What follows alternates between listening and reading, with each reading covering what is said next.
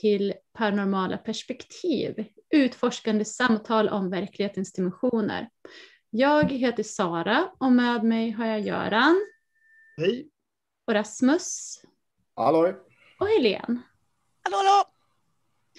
Idag eh, kommer vi prata om eh, poltergeist, eller det man brukar kalla för poltergeist. Eh, enligt tradition och lite grann i populärkultur. Och även eh, lite fysiska fenomen, alltså psykokinesi och vad det är för någonting. Och lite annat smått och gott som vi kommer in på när vi pratar. Jag har en del historiska paralleller som jag känner att jag vill ta upp. Men innan vi går in på dagens ämne så tänkte jag höra lite grann vad ni har haft för er sen sist. Göran, vad har du gjort? Har du haft något speciellt för dig? Ja, jag har framförallt eh, tagit ett stort steg och blivit i stort sett klar med eh, det jag skrivit till antologin om forskning och medvetandet. Jag har fått till det, det sista, så att, eh, jättekonstigt. Nu ska jag tänka efter, vad ska jag göra nu? så att det är lite grann, det är en skön markering för min del. Sista april blev jag i stort sett klar med det jag Mm. själv ska skriva. Ja, Grattis! Ja, verkligen grattis. Ja, Ja, vi lär väl få höra om det i höst, hur det går med tryckning och sånt. Det kvarstår. ja, ja, men det, ja, men vad skönt. Har det kommit en, det är ju liksom ett stort steg. Ja, Ja, Rasmus, vad är vad är det Ja. någonting? Det är, ja, som sagt, det är ju inte, händer inte så mycket just nu och det beror ju på den allmänna situationen och sådär. Eh, jag har väl faktiskt kollat på en del gamla filmer sådär som, från min, som jag gillade när jag var ung. Matrix bland annat och det är ju eh, väcker en hel del, de väcker många av de här frågorna som vi tar upp just med medvetande och eh, vad vet vi egentligen om upplevelsen eh, av den mänskliga upplevelsen när vi går igenom vardagen och sådär. Så jag har väl suttit och funderat på en del sånt och gjort en liten returresa till eh, var jag började någonstans. Så det har varit ganska trevligt. Ja, vad spännande. Man kan ju få otroligt mycket inspiration av filmer, även om det är eh, fiktion, så väcker det ju väldigt mycket tankar och reflektioner, verkligen. Helene, har det hänt dig något speciellt? Eller vad har du gjort? Jag, vet, jag, jag har haft en sån här period med mycket migrän så att jag har inte gjort sådär jätte- jättemycket men eh, jag ramlade in eh, just det på det här med film som du tog upp Rasmus. Det var ju lite intressant för jag ramlade in på en film här på Netflix. Noll koll var det men ja men det här ser illa coolt ut. Jag som tycker om skräckfilmer och sånt. Det var inte så mycket skräck även om det var spöken med. Eh, det var mer thrillerjord men grejen var att filmen handlade om Swedenborg. Och det var Va? Precis. Emanuel Swedenborg. Ja, eh, då. precis. Mm. En amerikansk film där de tar upp honom och har då en seans med i den här som, som då är det här gamla som du har sett på de här gamla svartvita eh, bilderna som man kan hitta överallt på nätet. Eh, just med eh, som ingår i det här med fysikaliska fenomen. Med just med fysiskt mediumskap och så vidare. Så häftigt! Det var så häftigt. Den heter eh, eh, Things Heard and Seen. Mm. Eh, Så ja, Netflix, den är ganska ny på Netflix faktiskt. Jag rekommenderar den varmt. Mm. Jättemysig film verkligen. Ja, spännande. Då Mm. ska jag se den sen. Och det är ju så konstigt det här. Jag tror jag nämnde det, jag kommer inte ihåg vilket avsnitt det var, men vi pratade lite grann om Swedenborg förut, Mm. som då kommer från Sverige. Ehm, och la grund till mycket om spiritismen som skulle bli här sen. Men han var också väldigt betydelsefull för andra länder då, eller har blivit. I Sverige vet man knappt vem han är idag, Mm. trots att han faktiskt var väldigt, väldigt stor då.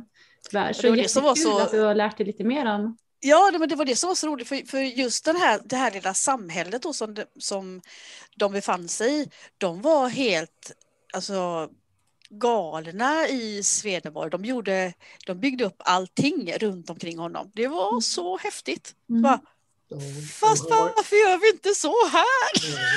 han, han, han är ju stor internationellt, Cederborg. Mm. Det är många som, eh, de böcker jag läst, man stöter på hans namn lite titt som tätt. Som Mm. en, eh, han hade väldigt märkliga själsresor och upplevelser som speglar något helt annat än vad vi är vana vid idag. Precis. Mm. Mm.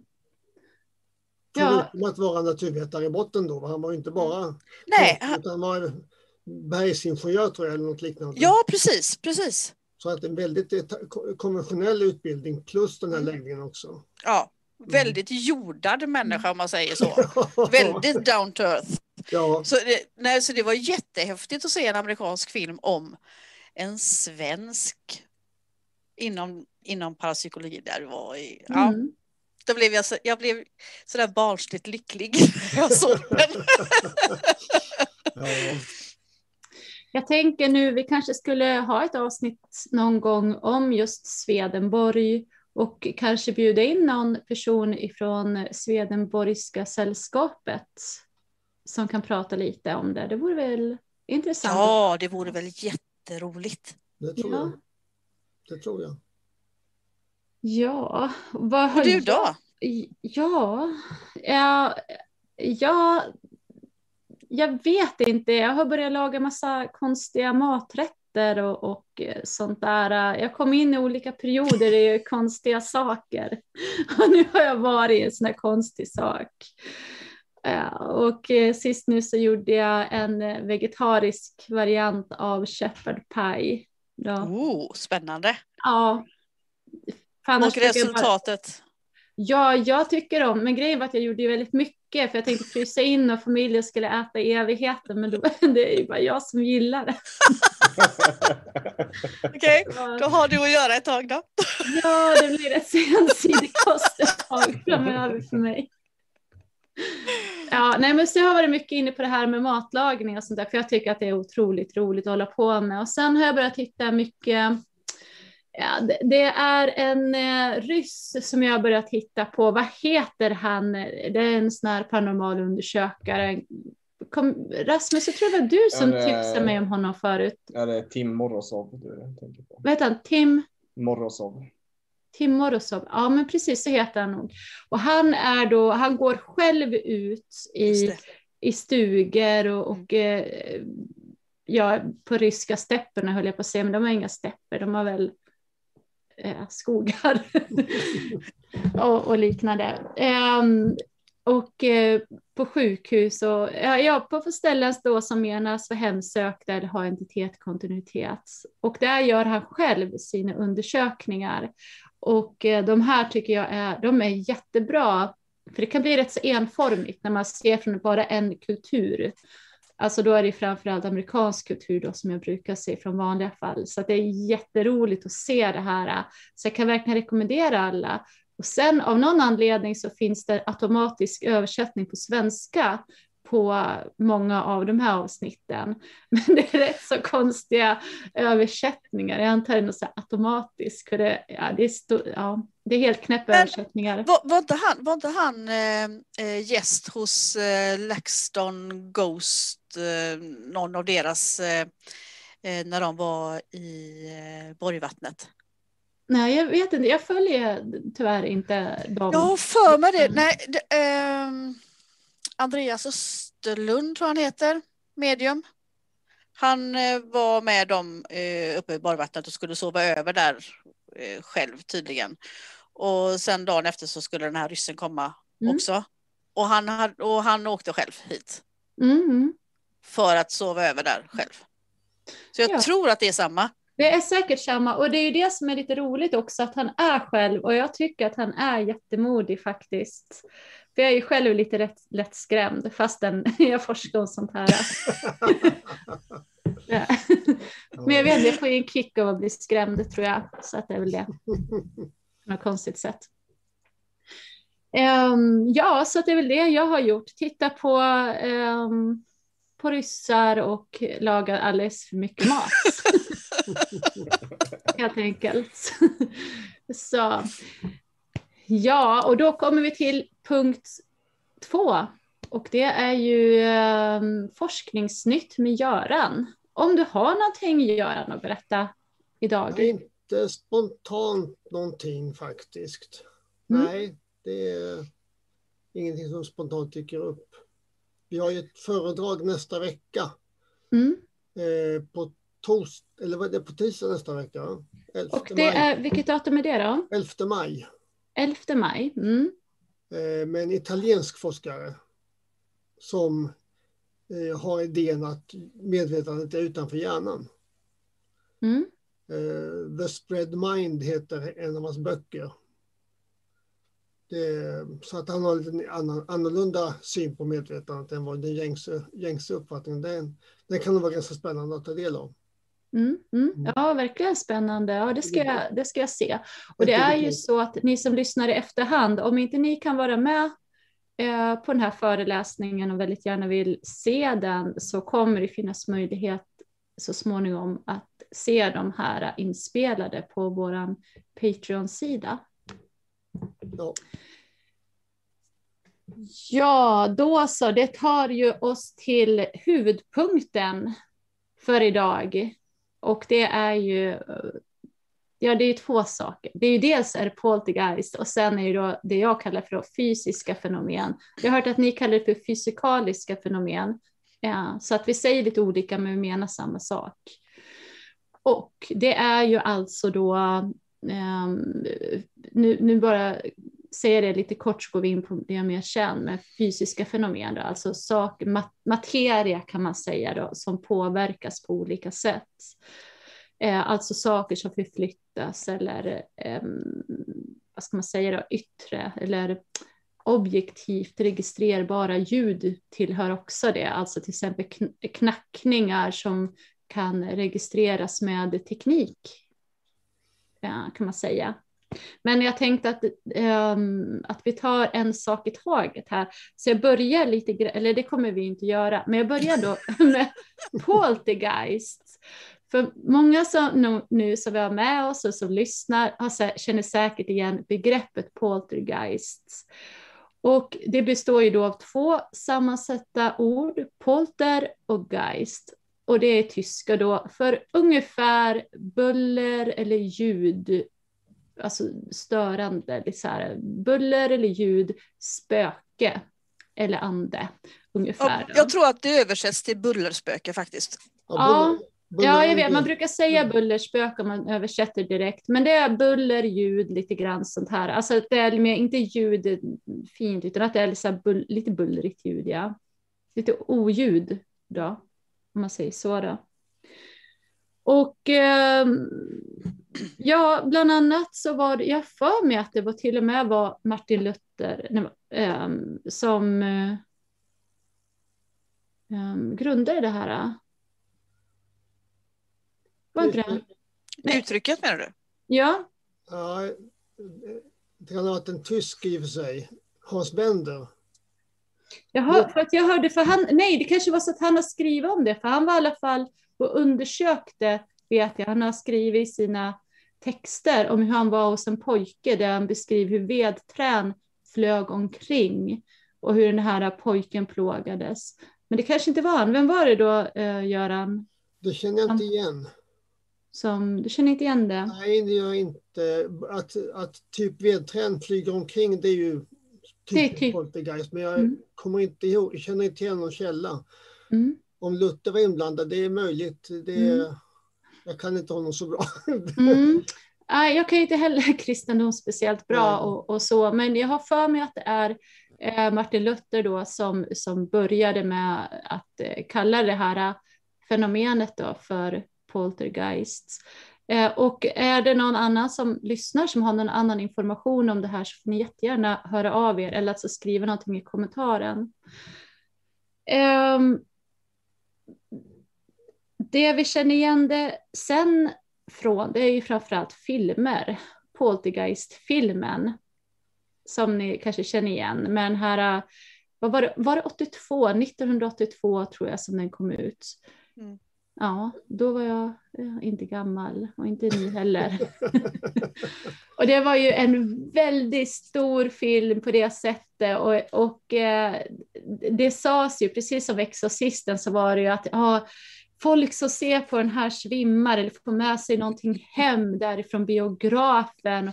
Folk blir besatta och så gick det rykten om att flera av medarbetarna i den här filmen hade dött och skådespelare också. Så att det var, det var väldigt liksom mytomspunnen den här. Och den kom ut i tre delar och de förtjänar att se tycker jag, man de här gamla filmerna. Nu har det kommit ut en igen, en nyinspelning.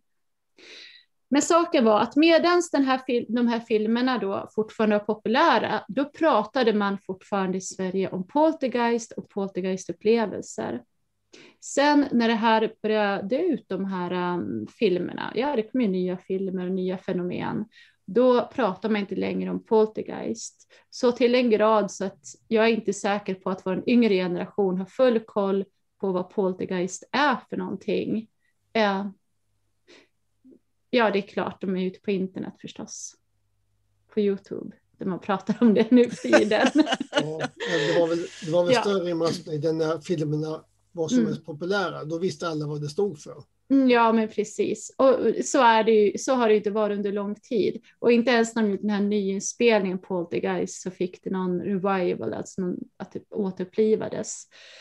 Um, sen vill jag också säga innan, uh, innan jag släpper in er riktigt här i diskussionerna eller i samtalen, eh, så tänkte jag säga också att det här poltergeist-begreppet, det är ju lite vanskligt eftersom om man tittar på det från ett vetenskapligt perspektiv så är det ju att Eh, det tillhör alltså en, en tro eller föreställningsvärld om att det som orsakar det är en ande eller ett spöke. Alltså det hörs ju då på namnet att det är poltergeist. Um, så när man forskar om det brukar man, um, i alla fall när jag har tittat på det, då kallar jag det lite andra saker och, och sånt där. Eftersom, ja, helt enkelt, jag, man kan inte riktigt veta vad det är för någonting som orsakar det här. Det man kan veta det är ju att de här eh, fenomenen sker, men man vet inte riktigt vad det är ur ett vetenskapligt perspektiv. Så det måste jag säga att det poltergeist-begreppet är lite vanskligt så att vi har koll på vart vi är. Ja, det, det kallas ju fortfarande poltergeist bland forskarna som tittar på de här fenomenen. Men som sagt, som du säger så eh, från början så var det föreställningen att det var någon sorts ande som flyttade på de här föremålen. Mm. Och det bullrade när föremål åkte omkring. Och det lät mycket då. Eh, men det som har växt fram under de sista 20-30 åren, det är ju att, att där har man följt upp kring vilka människor det här händer. Mm. Och jag tror vi har nämnt det förut att det är ganska många gissar att det handlar om, eller eftersom många fenomen uppträdde bland i familjer med ofta tonåringar, mm. så misstänker man att det var att det berodde på en tonåring. Ehm, mm. Så att det kunde vara eh, så att säga, psykokinesi från en tonåring. Det behöver inte vara någon ande inkopplad men en levande människa som det, det eh, fanns, förekom runt omkring alltså. Ja, jo, jag vet att det är ju många som använder sig av poltergeist, alltså inom forskning fortfarande. Men jag tycker, jag tycker att eh, för mig så är det så att jag använder helst inte det. Och det är precis samma som jag vill inte använda eh, begreppet hemsökt i forskningssammanhang heller egentligen. Just eftersom, ja, bland annat begreppet inte finns i, i svenska ordlistan som jag pratade om förut och det förutsätter att det är en viss föreställning liksom kring det här istället för att ja, titta på fenomenet i sig. Um, och vad, vad använder det... du för uttryck istället då eh, för poltergeist? Ja, ja, när jag tittat på det förut så har jag kallat det för sekundära upplevelser. så att det är lite väldigt så här. lite vagt. lite vagt. Väldigt vagt. ja. ja, men eh, då är ju problemet också att jag har ju inte forskat eh, exakt fokusera bara på det, utan det var i samband med att jag har tittat på eh, det här hemsökta platser, då, vilket jag kallar för eh, platsbunden entitet kontinuitet när jag forskar om det. Mm. Um, så att, uh, men, Men när du eh, inte forskar om det, vad kallar du det då? Ja, för att folk ska förstå mig säger jag hemsökta platser. Men, men jag, säger, jag använder ju helst inte det ordet alltså, utan det är ju, och det är precis också att det har burit mig mycket åt att säga poltergeists. Utan jag vill gärna, ehm, ja, jag vet, jag vet inte, jag vill hellre att beskriva fenomenet. Mm. Ett, ett, sätt, ett sätt som jag tycker man mycket väl kan använda det är att kalla den för spontan psykokinesi. Mm. Det handlar ju om psykokinesi, alltså att man mentalt påverkar föremål att flytta på sig eller röra på sig på något sätt. Och, Mm. Och att det är spontant, det är inte kontrollerat utan det är spontant. För det är vad det handlar om, det är spontan psykokinesi. Mm. Kan du förklara väldigt kort psykokinesi för de som inte har sett första avsnittet, Göran? Ja, alltså att, att man utan att vidröra ett föremål så kan man flytta på det. Man, bara, man kan fokusera på det. Det är typ det. Man sitter och fokuserar på ett föremål på ett bord. Det kan röra sig på bordet. Det kan böja sig. Där, kommer jag omedelbart, där går associationen ofta till Uri Geller som tycktes kunna böja skedar, sätta igång klockor. Föremål som kunde få sig att stiga upp i luften, det man kallar för levitation. Eh, så överhuvudtaget att påverka föremål, böja dem, flytta på dem. Eh, möbler som flyger omkring i luften, telefoner som flyger, böcker som flyger i luften. Det är att påverka föremål att röra på sig utan att man vidrör dem. Att påverka materia alltså? Ja, rent Mm. mentalt, med viljan. Mm. Det, Mm. det, är, det är ju psykokinesi. Mm. Ehm, och nu tänker jag på, nu kommer jag på att ehm, när jag tittade på det här eh, i samband med att jag, jag ehm, skrev ja, den här boken då, som jag skrev förut om hemsökta platser. ehm, det, det, det jag tyckte mig kunde se bland annat, eh, och det jag har sett i mina studier, det är ju att de här upplevelserna som du beskriver, Göran, som man brukar kalla för poltergeistupplevelser också, det är ofta väldigt eh, påtagliga, alltså lite aggressiva, eller alltså de är väldigt, eh, vad ska man säga, vildsinta eller jag menar för en telefon som flyger och böcker som flyger runt i rummet eller legobitar finns det ju också, eller vad det nu är för någonting. Och, ja, det finns ju många olika fenomen då som har blivit inrapporterade som vi kan komma in på sen, som en del kan tyckas helt otroliga. Mm. Ehm, Men det är ju det att samma ehm, saker som, som fanns, som man ser eh, vid poltergeistupplevelser, till exempel gällande en individ, alltså gällande en person eller händelsen, eh, kan man också se ofta hos vanliga, eller vad ska man säga, vid upplevelser som människor tillskrivs vara hemsökta eller till andar och sånt här. Det är bara det att det är inte lika våldsamma upplevelser, utan de är väldigt mycket mildare. Och det är därför jag kallar dem för sekundära upplevelser då i, i min bok. Um, alltså att för att de var, de var mildare, men det var samma typ av upplevelser. Och det som kategoriserar alltså ändå en poltergeist-upplevelse, för att vi kallar det för det Ja. nu tycker jag, så att vi är överens vad vi pratar om för någonting. Det är ju um, först och främst att det förföljer en människa. Alltså det är inte platsbundet som man brukar säga att det är eh, vid hemsökta eller hemsökelser eller hemsökta platser. För att då är det ju alltså då att en människa till exempel vistas på en plats eller att människor, flera människor efter varandra vistas på en plats och eh, många av de här har ungefär liknande upplevelser på samma ställen ungefär i det här huset eller platsen eller vad det är för någonting. Men när de inte är där, då, då har de ju inte de här upplevelserna på samma sätt. Däremot så, eh, det här poltergeistupplevelse, eh, det är ju så att det förföljer en människa. Och det är det som, eh, för att jag har ju tittat mycket på internet och internetdiskussioner och sånt här och forum. Och eh, idag så kan det ibland kallas eh, för vad jag tror klibbande, klisterande och förföljande ande bland annat. Alltså att det är någonting, människor upplever att det är någonting som förföljer dem från plats till plats. De blir inte av med det här. Eh, och, eh, ja, och, och, det är väl framförallt det som jag skulle vilja se som skiljer de här två upplevelserna väldigt mycket åt, alltså hemsökta platser och poltergeists upplevelser.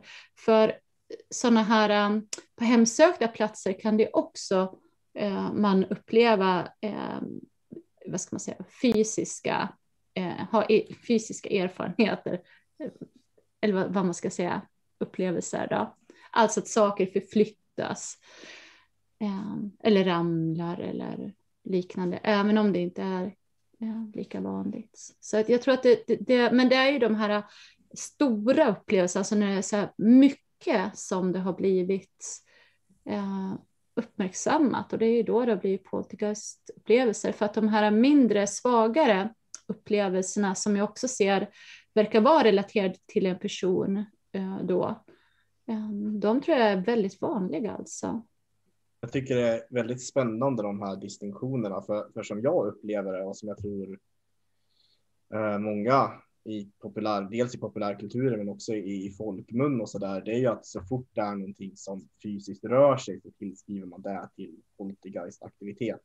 Eh, oavsett ifall det är platsbundet eller personbundet.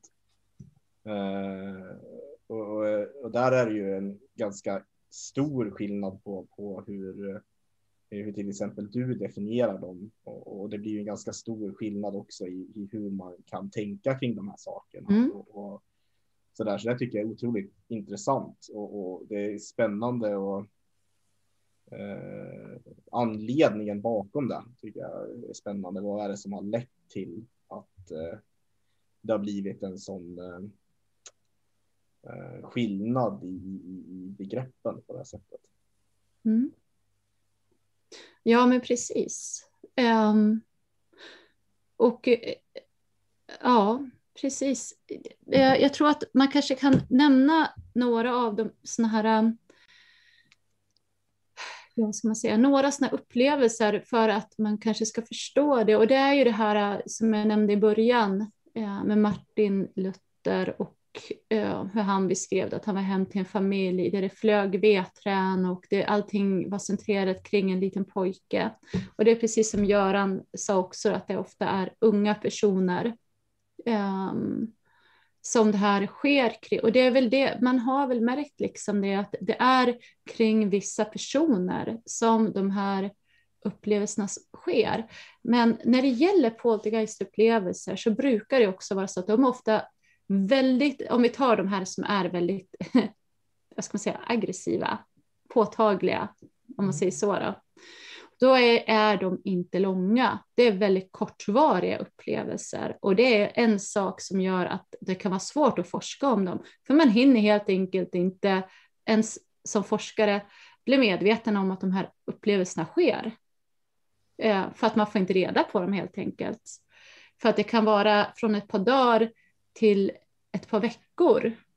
Ja, det är väl det som är det vanligaste, ett par veckor eller någon månad allra mest. Det har varit, eh, eh, det längsta är väl det här som vi har tagit upp tidigare, Aidenfield Poltergeists. Eh, alltså då det var Jane, Jane Harper, för mig hon hette. Och det pågick den här flickan då i en familj av fyra barn tror jag och en ensamstående mamma i England. Och det här pågick så pass länge så att det här, här var det ju faktiskt två parapsykologer och undersökte det här och fick en del dokumenterat, en del spännande saker. Mm. Var det en, Enfield du nämnde? Ja, ja jag uttalar det kanske fel, jag säger Enfield säger jag. Jo, jag Enfield, det, det känner jag igen. Jag, mm. jag lärde ju känna några av dem som gjorde jobbet och dokumenterade. Guy mm. Playfair var en av dem. Mm. De dokumenterade och var på plats i flera månader efteråt för att följa upp och se vad som hände. Mm. Intervjua de som drabbades och mätte saker på plats och så vidare. för att förstå vad det var som kunde utlösa de här märkliga fenomenen. Mm, mm, Det är fortfarande ett av de bättre fallen i poltergeist-historien egentligen. mm. Och det finns, eh, en, det finns jättebra dokumentär på Youtube om det och jag tänker att vi kanske kan, vi kan ju eh, på Facebook så kan vi lägga ut en länk till den här dokumentären ifall någon vill titta. Eh, och den här eh, har de ju också gjort film om. Kanske Helene, känner du till den filmen eller Rasmus? Ja, den har väl förekommit i, i flera filmer va?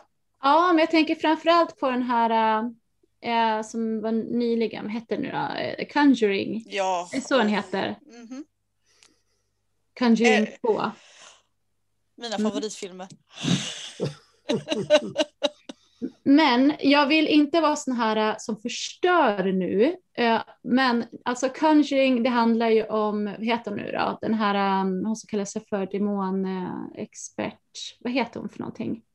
Jag Ja, brukar veta vad de heter. Men, Um, hon dog ju nyss. Ja, Och de här Conjuring, det ska ju vara filmer om hennes liv då liksom. Och hennes eh, fall som hon har varit på. Vad heter hon för någonting nu? Nej, du vet nu står det helt still. Ja, det stod still hos mig, jag vet ju det egentligen. Mm. Ah, ja. Men så här är det, att eh, Lorraine Warren. Ja, Ja, tack. just det. Tack, Lorraine tack, tack, Warren. tack. Så var det, ja. Faktum är, i, i de här Conjuring-filmen då, så är ju de väldigt centrala och att de är där liksom hos den här familjen. Men faktum är att de var ju faktiskt inte där, utan de var där och pratade med familjen i, in, i ett, ett, en eller två timmar tror jag, tog med sin präst. Sen åkte de därifrån. Så de var aldrig inblandade i det där, fastän eh, man kan tro det när man tittar på filmen då, eh, att det är så. För rätt ska vara rätt. Ja, det är riktigt. Eh, Det, det jag funderar över är eh, när man har gjort undersökningar av, av poltergeist-fenomen. Eh, har man bara tittat på omgivningen då eller har man faktiskt eh, intresserat sig för individen också? Kanske mätt hjärnvårdsaktivitet eller gjort eh, andra psykologiska undersökningar eller liknande. Vad menar du med omgivningen nu Rasmus? Ja, jag tänker att så här, för jag kan tänka mig att det är så här elektromagnetfältsmätningar och eh, man tittar på de rent fysiska fenomenen som händer. Men har man tittat, hur mycket har man tittat på individen liksom?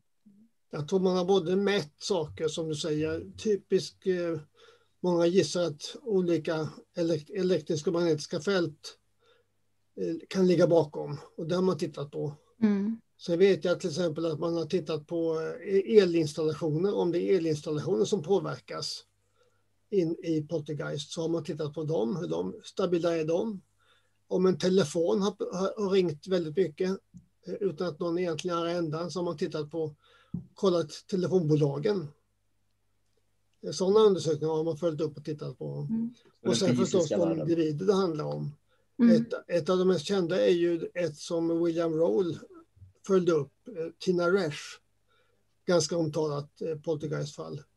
Eh, det har skrivits böcker om, om henne. William Roll det känner vi ju till, han var ju i Sverige några gånger, han är död nu tyvärr sedan några år, men han var en av de främsta poltergeistforskarna i Mm. världen, får man säga.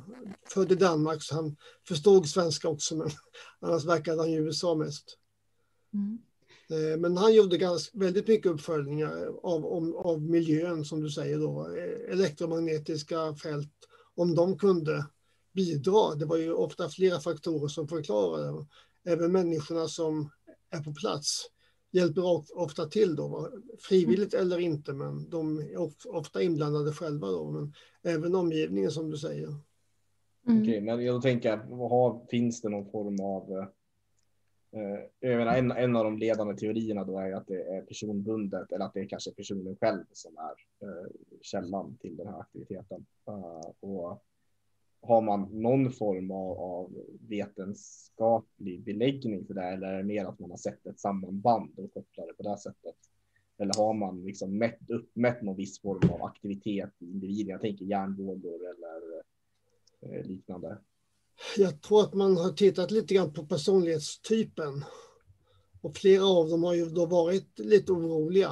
Och det har varit lite, eh, Eh, man gissar att det är lite familjekonflikter i botten så att eh, ungdomarna inte får utlopp för sin irritation utan eh, energin kommer på annat sätt. Det är den populära föreställningen då. Sen försöker en del, en del har försökt titta på hur kan nervsystemet fungera i det här fallet och där är, har man lite idéer men man har börjat titta lite grann på det rent neurofysiologiskt. Då. Mm. Och det man har ju sett, det, det, är ju det här som eh, Göran sa, men som jag kanske kan utveckla lite grann med människor då. Det är ju att eh, när man gör en undersökning vid ett sånt här fall, alltså vid sådana här upplevelser, för att hela familjen, det brukar ju vara så påtagliga upplevelser så hela familjen blir ju involverad i det här eh, på något eller annat sätt.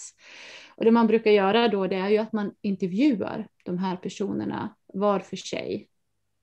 Gör man. Man gör djupintervjuer helt enkelt. Um, och eh, då framkommer ju de här bland annat spänningarna då, som Göran pratar om. Och uh, sen är det också så att det man har märkt det är att de föremål eller det som påverkas då det är symboliskt ofta. Alltså ofta eh, symbolisk påverkan. Eh, och jag vet, nu kommer inte jag ihåg vilka forskare det var som hade skrivit om det här eh, fallet som jag tänkte berätta nu. Men eh, faktiskt är det så att eh, ibland så sker det saker som kan verka helt otroliga. Till exempel eh, spontan eld eller att eh, vatten verkar komma från ingenstans alls. Och ett sådant exempel var då eh, att det rann vatten efter väggarna i ett hus. Där bodde en familj. Um, och de fick då, um, ja efter att inte kunna hitta någon naturlig förklaring då till slut så fick ju eh, de här forskarna reda på det här. Och de gjorde också en grundlig kontroll och tittade så att det inte fanns någon naturlig förklaring med kondens eller läckande rör eller tak eller vad det än kunde vara för någonting. Um, och sen när de hade intervjuat uh, personerna i familjen, då fick de reda på att den här, eh, deras tonårsson tränade otroligt mycket simning. Alltså hans pappa tvingade honom till simträning väldigt ofta och han hatade att simma. Så det här var ju väldigt stor uh, det var jobbigt för honom det här. Så att då sa eh, de här då till honom, att, eh, till familjen att prova att sluta simma, att han inte ska simma någon mer nu, utan han får sluta på det här. Och då slutade det här fenomenet också. Ja, det är klart symboliskt om det är mm. vatten inblandat. Mm. Ja, absolut. Och det, det, det här symboliken har man sett på många olika ställen. Och det är det, det här symboliken, nu går jag tillbaka till min egen forskning som jag gjort tidigare, då, inte min avhandling, utan det handlar om hemsökta platser och liknande. Eh, det är att det här sättet att intervjua människor och titta på hur upplevelserna, vilka symboliska eh, uttryck de tar, eh, tycker jag, har jag tyckt mig då kunna se att det leder ofta, det är ofta, eh, ska man säga, korrelerar med eh, saker som trycker de här personerna medvetet eller omedvetet.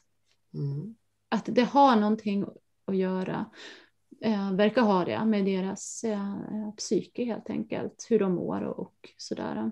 Mm. Eh, och Jung var ju inne på det, det har vi ju pratat om förut, att Jung och Freud, alltså Carl Gustav Jung, Eh, och Simon Freud, de samarbetade ju men blev osams och slutade arbeta tillsammans. Och en av de sakerna var ju just om det här med parapsykologi som jag pratade om.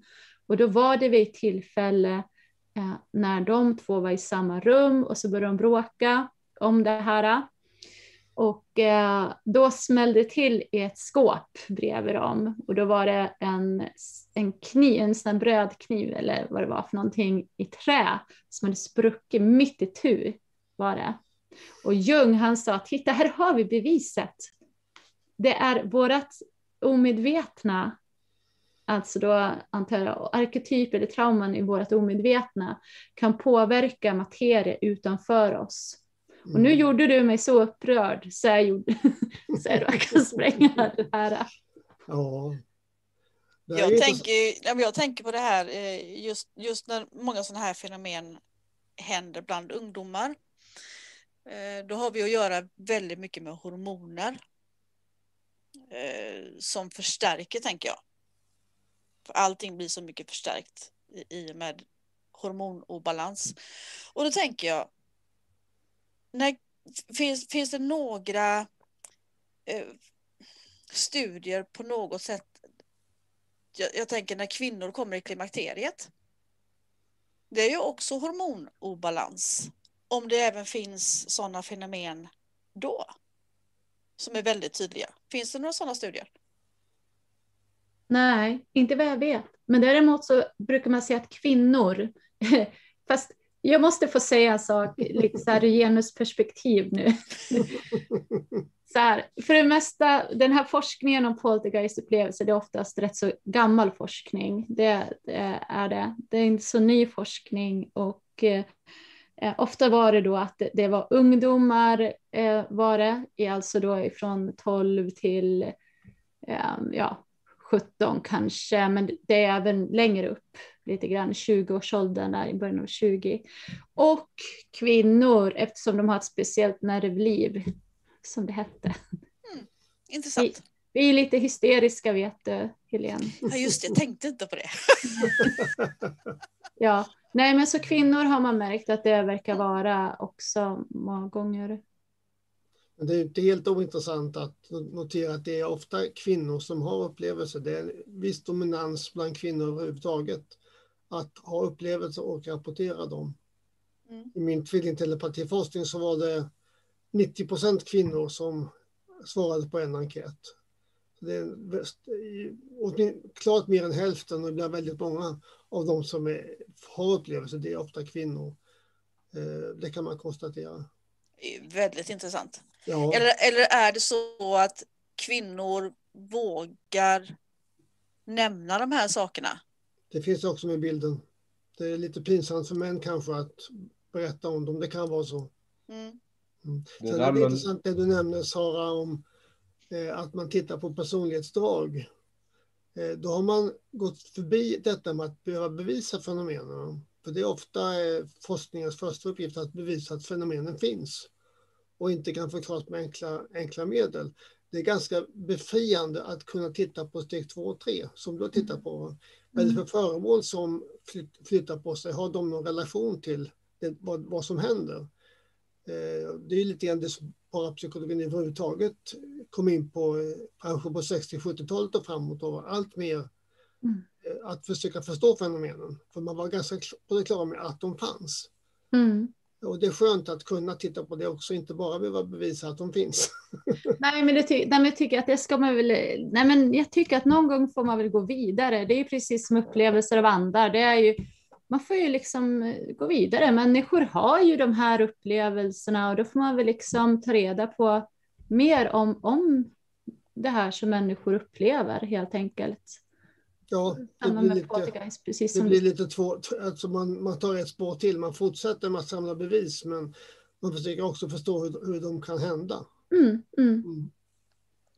Jag tänkte på, på just det här med kvinnor också, för ur ett religionspsykologiskt perspektiv, där syns det också väldigt tydligt ifall man kollar på nya andliga strömningar eller nya religioner och så.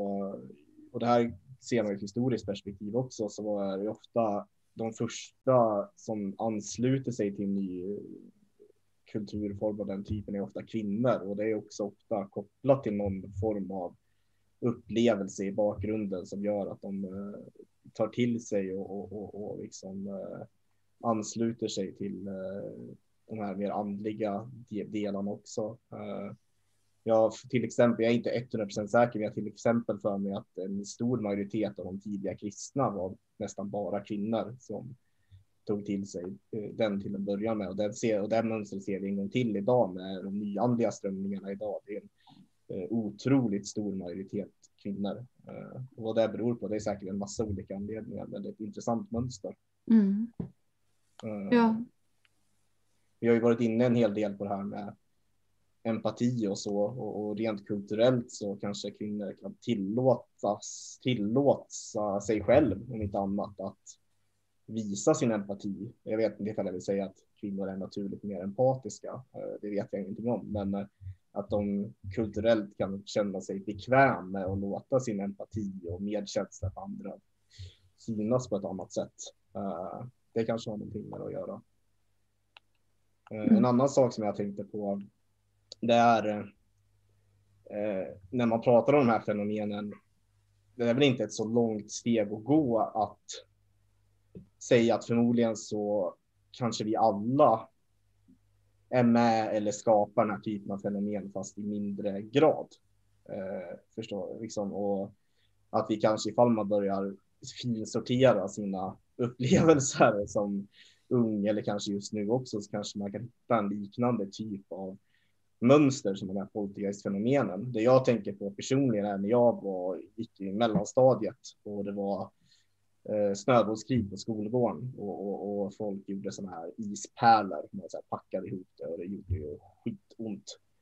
Eh, och jag blev nästan aldrig träffad. Det var liksom som att eh, de åkte åt sidan så här liksom. Och det upplevde jag då liksom att eh, den där skulle ha träffat men av någon anledning gjorde den inte det.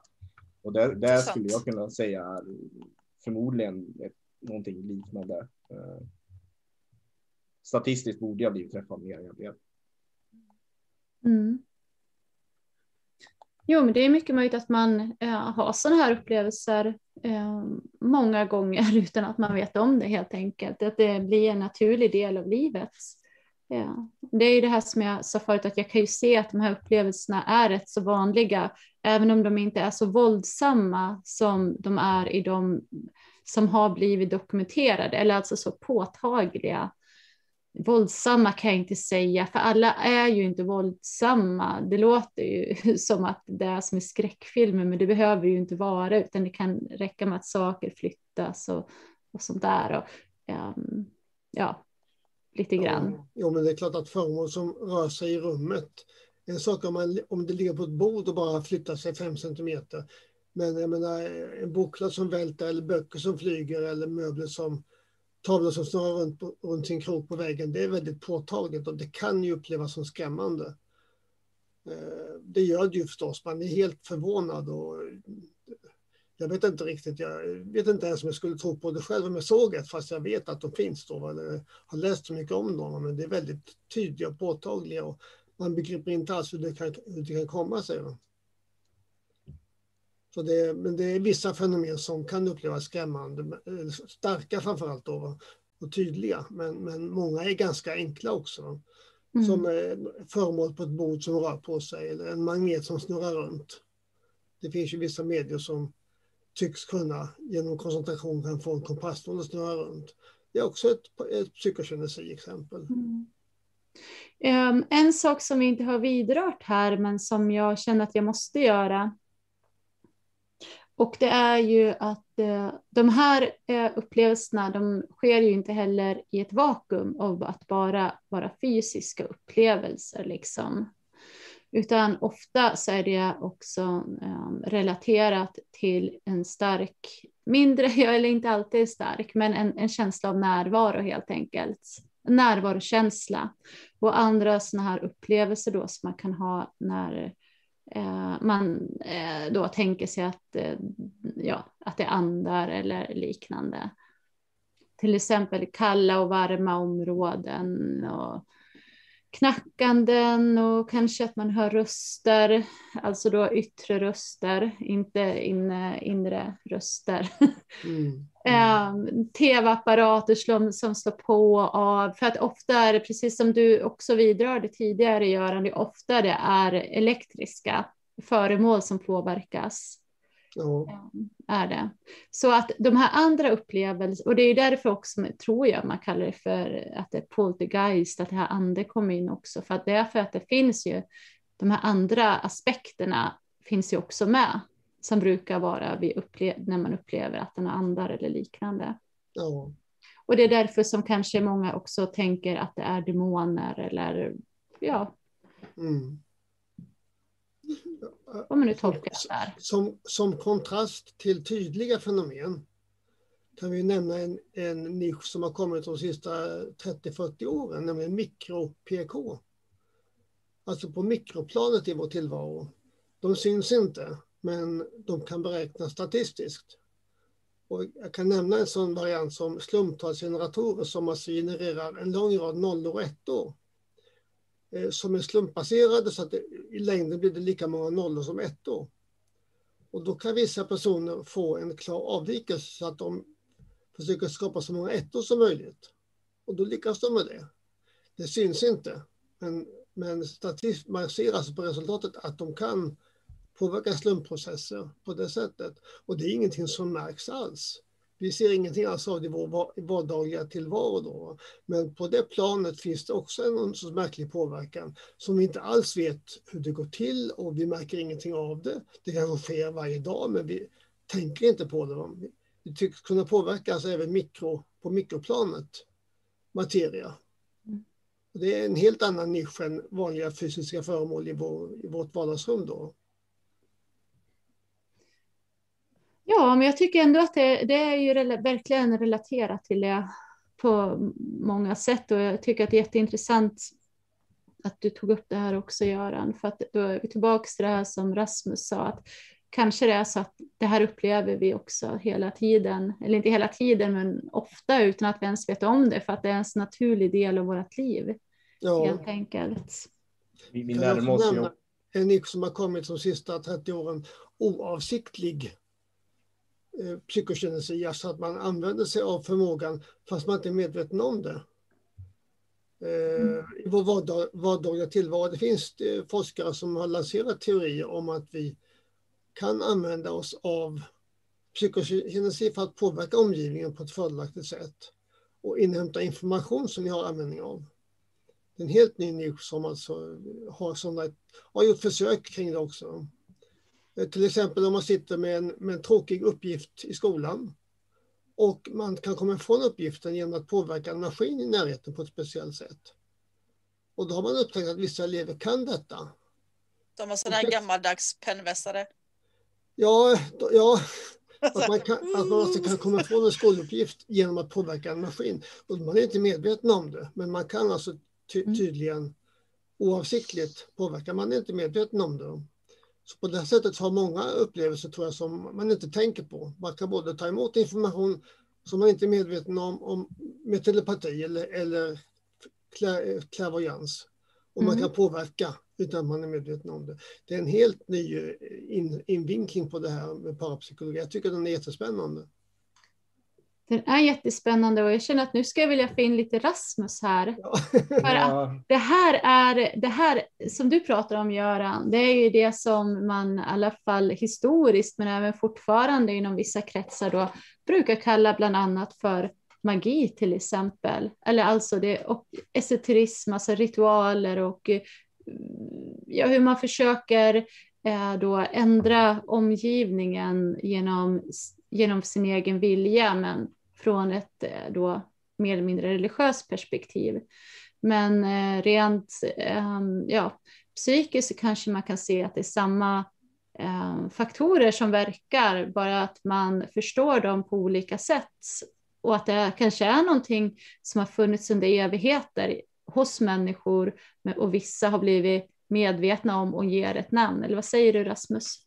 Jag, jag håller helt med där och, och, det som sitter ihop med det här hela tiden som jag, jag, jag kanske låter som en, en trasig maskin just nu, men eh, jag tänker hela tiden på det här med kvantfysiken och det du just beskrev kanske är mer i det här tidigare fallet med, med den här random number generatorn när man kan påverka att det blir ett eller nolla. Men Eh, men eh, det är ju verkligen kvantfysiskt på det sättet eh, med det här i teorin om hur man egentligen världen inte finns tills man iakttar den. Och det i sin tur knyter väldigt hårt an till just de klassiska esoteriska tankegångarna om, om hur världen eh, i, inte finns egentligen och hur man kan påverka den eftersom den är så pass overklig. Eh, Giordano Bruno Eh, han var en stor tänkare och, och eh, filosof och han var magiker och, och alkemist.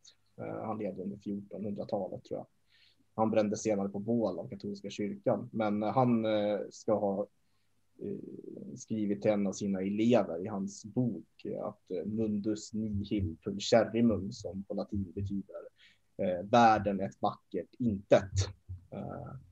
Som eh, jag tycker verkligen presenterar den tankevärlden som fanns, som redan då var väldigt gammal och som vi när den moderna vetenskapen börjar finna på nytt väldigt mycket i och med eh, kvantfysiken och så där. Och där du pratade om i det senare exemplet med hur man eh, man utför sin vilja på något sätt undermedvetet på omvärlden. Eh, inom den nyandliga strömningen idag så finns det något som brukar kallas för the law of attraction, eller attraktionslagen eh, som går ut på att eh, med det, för att förenkla det väldigt mycket, med det mindsetet du har så attraherar du de sakerna du vill ha och eh, på så sätt bygger du den världen du önskar kring dig. Och det är ett väldigt, en väldigt ut, utbredd tro på det, eh, det konceptet idag.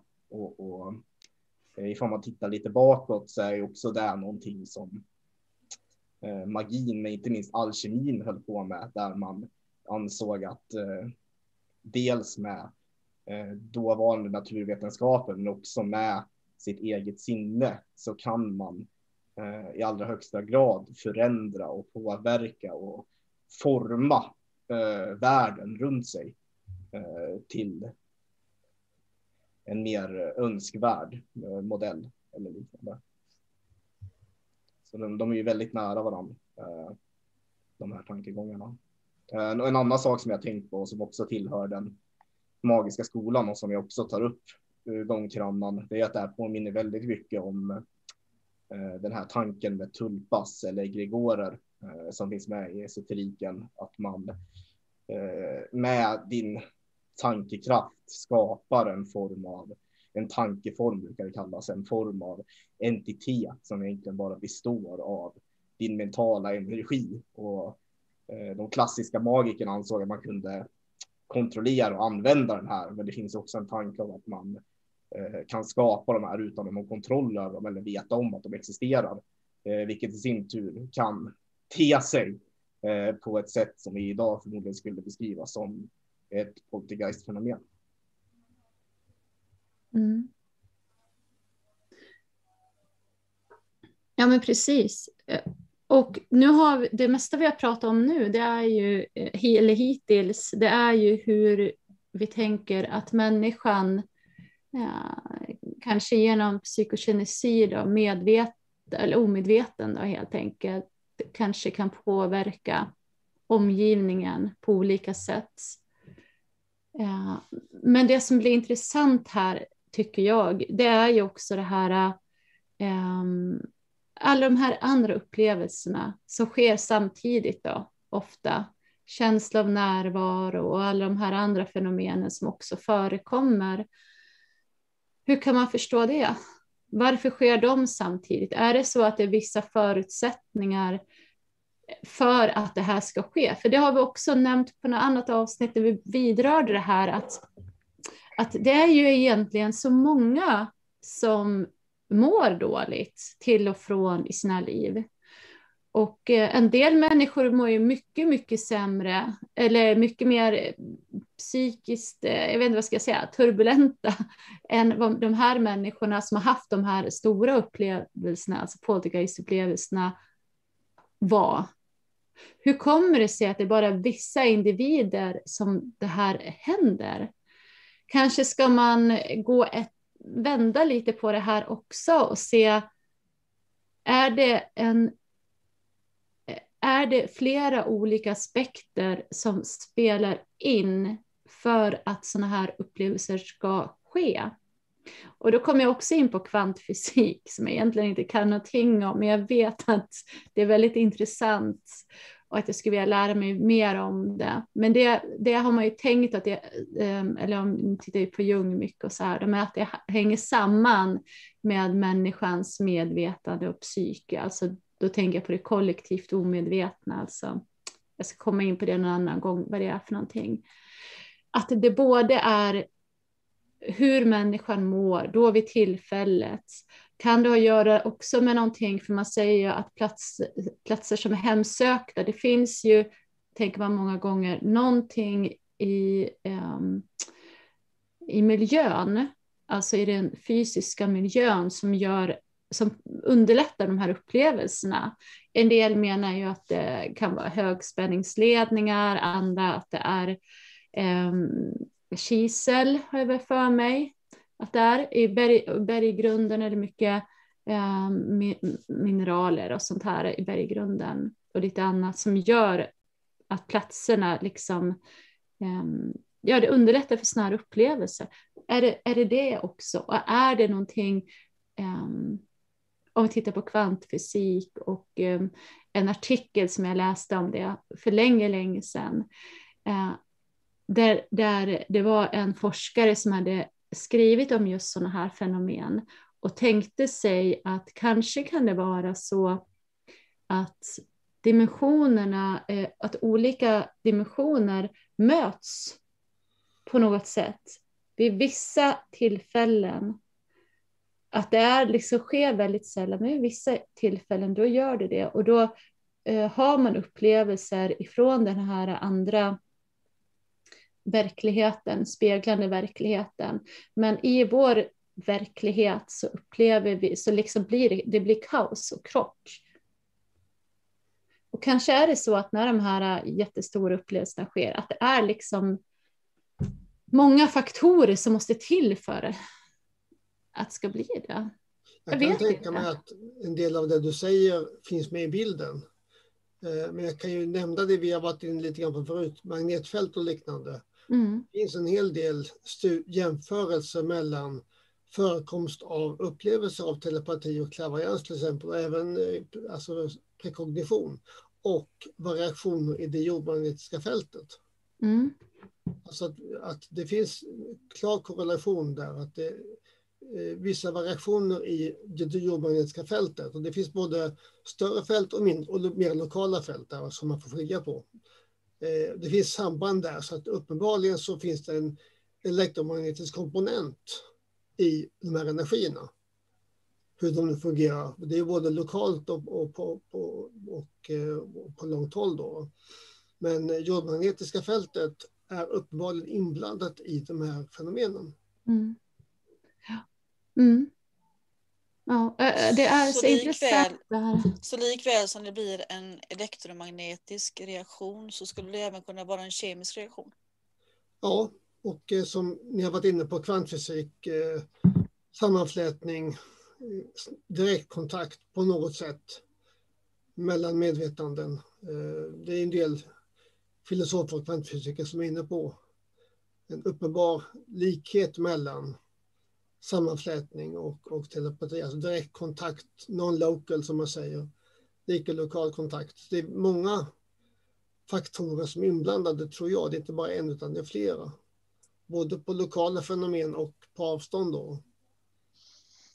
Där, där tycker jag också det blir intressant för, jag menar vi, vi har ju inte riktigt förstått hur de här rent fysiska fenomenen funkar heller. Så ifall man kollar på magnetfält och så där, det är ju många frågetecken som kvarstår där på det rent naturvetenskapliga planet. Eh, som till exempel här, eh, jag vet inte ifall, eh, ifall forskningen var helt klar, men de var nästan så att de kunde bevisa det. Men jag läste att det, de har lagt fram en teori, våra geologer. Jag minns inte vad de hette nu, men eh, de menar på att de har hittat en till kärna i jorden, alltså en inre kärna eh, som jag förstod det som eh, ligger under det vi tidigare iakttagit och trott varit samma kärna rakt igenom. Och det är i sin tur, nu, nu jag är inte jätteduktig på fysik och så där, men jag kan ju bara anta att det kommer utöka vår förståelse för allt ifrån magnetfälten till, till eh, hur resten av, av jorden fungerar på det sättet ifall, ifall det här visar sig vara helt sant. Då. Eh, så jag menar, det är, ju en otrolig massa pusselbitar som fattas eh, hela tiden. Mm, absolut. Och det, det, är ju där och här ser vi ju att eh, hur, alltså jag tycker att det är skandal att det läggs så lite pengar på forskning eh, för sådana här fenomen och att man inte kan samarbeta bättre. Men framförallt, för det jag har sett, framförallt när det gäller poltergeistupplevelser och även ja, när det gäller eh, ja, hemsökta platser, upplevelser på hemsökta platser, det har inte hänt jättemycket under många, många år. Och det beror ju på att eh, ja, av någon anledning så vill man inte lägga pengar på forskning till det och det tycker jag är skandal för det skulle ju lära oss så mycket mer om människan och om, om våra verkligheter. Det är helt galet.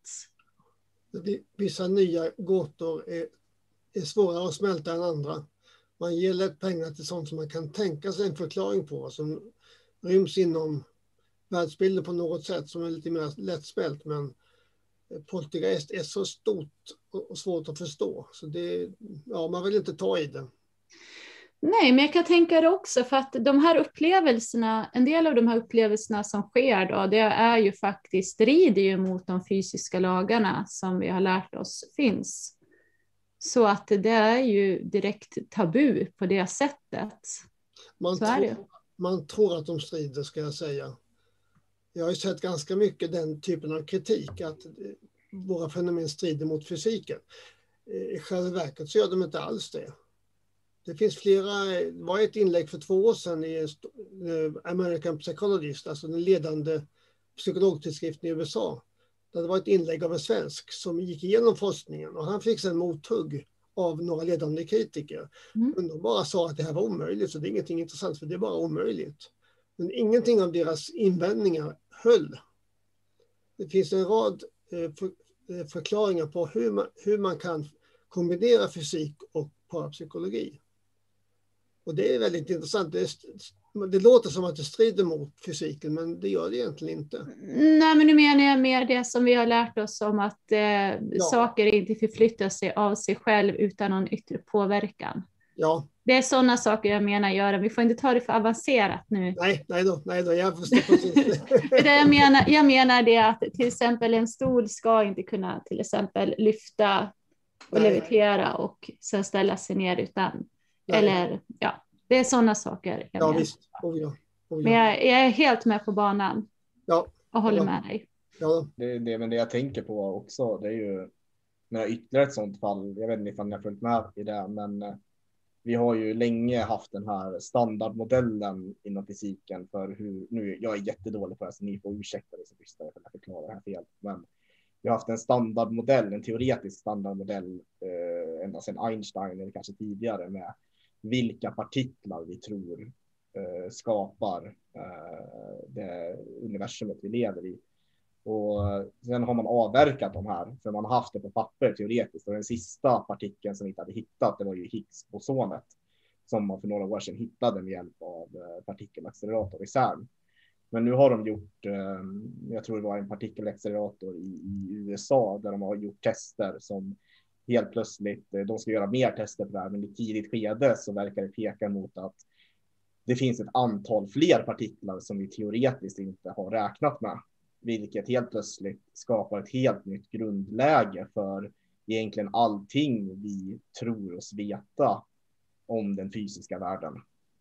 Ifall det här visar sig vara sant. Och uppe på det har vi också den här eh, forskningen om eh, mörk materia och, och, och, och det här som kallas dark energy eller mörk energi eller någonting sånt där. Och där, där man gör just nu det är att man letar efter den här mörka materian som vid Big Bangs början så borde det ha skapats lika mycket och då undrar man varför ser vi så mycket materia? Varför ser vi absolut ingen svart materia? Eh, så det, det är ju så otroligt mycket som vi inser ju nästan per dag att vi vet så mycket mindre om den rent fysiska världen än vi trodde vi gjorde. Mm. Och jag har sett en del inlägg i eh, tidskrifter om dark energy, mörk energi, mörk materia som eventuellt ha, kan ha någon ny, något nytt intresse för parapsykologin och medvetandet. Det är ju ja, mycket spännande saker tycker jag. Man ska inte hoppas för mycket på det, men de som kan ämnet bland fysiker, de ser möjliga samband. Och det tycker jag är tillräckligt intressant för att ja, hålla dörren öppen där och se vad kommer de fram till. Mm. Hörni, ja, nu tänkte jag byta ämne lite grann. Ja, här kommer Helene komma in lite grann tänkte jag också. För att jag tänkte i och med att eh, det här har ju varit en eh, form av upplevelse som precis som upplevelser och vad som tolkas vara anda och väsen av människor så har ju den här typen av upplevelser förekommit väldigt, väldigt länge och finns eh, beskrivet. Eh, bland annat så finns det beskrivet från, i texter från eh, fornskandinavisk religion, då, alltså det man tänkte sig då. Ehm, då är det framförallt eh, draug som jag tänker på, alltså jag tror jag pratade om det förut, en form av vålnad eller som nästan vi kan förstå eh, gengångare eller vampyr som man hade då där det beskrivs hur det dundrar på husen, på taken och smäller liksom av de här. Äh, så de här fenomenen, de finns beskrivna sedan väldigt långt tillbaks. Um, och uh, i den vanliga benämningen för oss här, um, det var ju inte poltergeist, utan det kom ju senare till oss i Sverige. Utan det vanligaste var ju spökerier helt enkelt.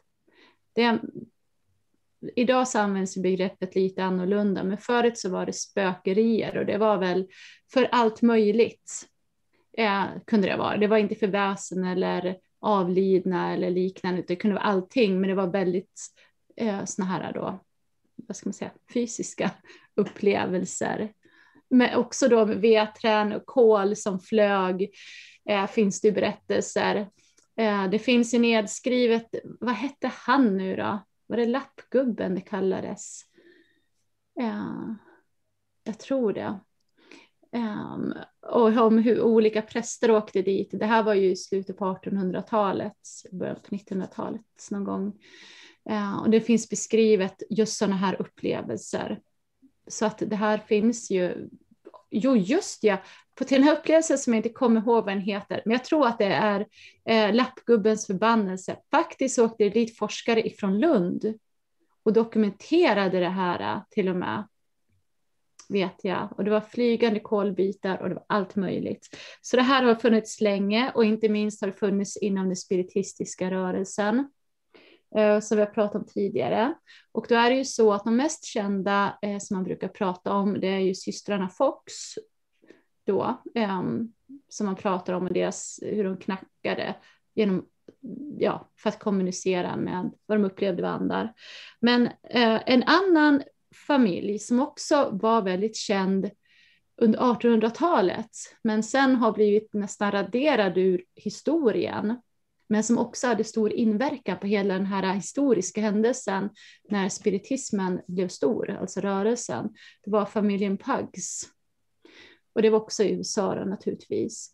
Och eh, det här var ju då en frikyrklig eh, eh, man, herre, som hade en massa barn. Och hemma hos honom började det hända massa saker. Och det var framförallt en pojke i familjen då som var 11 år, tror han var, som råkade väldigt illa ut. Han hittades Eh, det, det, här var väldigt våldsamma upplevelser, jag skrattar men det var väldigt hemskt. Eh, det beskrevs hur han hittades fastbunden, upphängd i trädet till exempel. Eh, borden förflyttades över golven och stora länstolar liksom leviterade och slog ner. Rovor flög. Eh, rover, det är ju, för er som inte vet, det är ju liksom såna här eh, rotfrukter lite större som man äter, åt mycket förr i tiden. Och där var inristade liksom så symboler och grejer och det var väldigt, väldigt mycket stök helt enkelt, aggressiva upplevelser. Eh, det här försvann sen, det var bara systrarna Fox som, och deras kommunikation då, som blev kvar. Men det här äh, med fysiska upplevelser, det har ju varit någonting um, som man också använder sig in, i alla fall en del inom framförallt anglosaxisk spiritualism som jag pratade om förut, alltså den engelskspråkiga eh, spiritistiska rörelsen. Eh, där använder man sig bland annat eh, av eh, vad ska man säga, eller det var materialationsseanser, alltså saker skulle materialiseras, tänkte man sig då, genom eh, ektoplasma.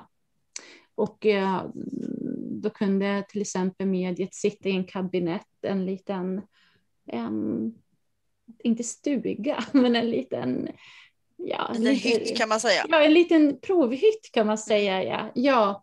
Ofta hade man rött ljus. Hade man. Och det var ju då för att man... Eh, och det här händer ju fortfarande än idag menar jag. Och mediet sitter fastbundet också. Ja, precis. Mediet ska... Men jag tror inte den gjorde det förr i tiden. Då. Nej, idag, idag är det väl så. Ja, idag. Jag tänkte att du ska få komma in på det där snart, Helene. du går händelserna i förväg. Förlåt. Ja, det gör inget. ja, men precis. Och det var ju då för man tänkte sig att um, ektoplasma inte tar lika stor skada i vår värld genom då att man använder sig av rött ljus. Och det är som sagt man, an, man använder det ännu idag ja, eh, vid det här. Um, och eh, då menade man sig då att ehm, um, andar kunde påverka vår värld, om vi säger så, då, den fysiska världen och materia genom att själv eh, ja, skapa materia av ektoplasma, alltså eh, materialiserad andeenergi. Eh, och även eh, ja, få saker att, sväva och eh, ja, till och med andar då menade man ju då kunna ta form och bli materialiserade. Um. Men det här tror jag att jag pratade om förut, så vad som hände förut, det tänkte jag att jag inte skulle gå in på något mer nu, men jag ville bara lyfta att det här eh, med den här typen av liknande fenomen som eh, vi, vi pratar om när vi pratar om poltergeist eller eh, psykokinesi är någonting som man har tittat på även inom den spiritistiska rörelsen. Så Helene, hur ser du på det här med poltergeist och har du själv haft några liknande upplevelser och hur tolkar du det? Eller hur tolkar andra det? Och kan du berätta mer? ja, eh, oj. Det här är en jättesvår fråga eller jättesvåra frågor. Ehm, jag har ju en upplevelse. Du har en. Rasmus har en. Göran har en. Vi, vi, är, alltså, vi är fyra stycken här och vi har helt olika upplevelser om det här. Och det, det, eh, det måste alla som lyssnar och, och hör på det här måste förstå att det är så unika upplevelser och, och det jag säger här nu innebär ju inte att det är rätt på något sätt och vänster utan det är min upplevelse och det är så som jag känner är rätt. Um, jag har ju varit gjort många husrensningar till exempel. Och det är? Det är när människor har eh, problem hemma med eh, allting sånt där som vi har pratat om nu när det är stökigt omkring dem och det är konstiga energier, det händer konstiga saker. Eh, människorna som bor i husen bete sig inte som de brukar göra. Det är väldigt mycket sådana här. Och det är många fysiska fenomen som händer också. Och ehm, eh, nu sist när jag var iväg och gjorde en sån här eh, husrening. Jag tycker egentligen inte om det eh, uttrycket utan jag, jag energistädar mer. Det känns mer rätt att säga så.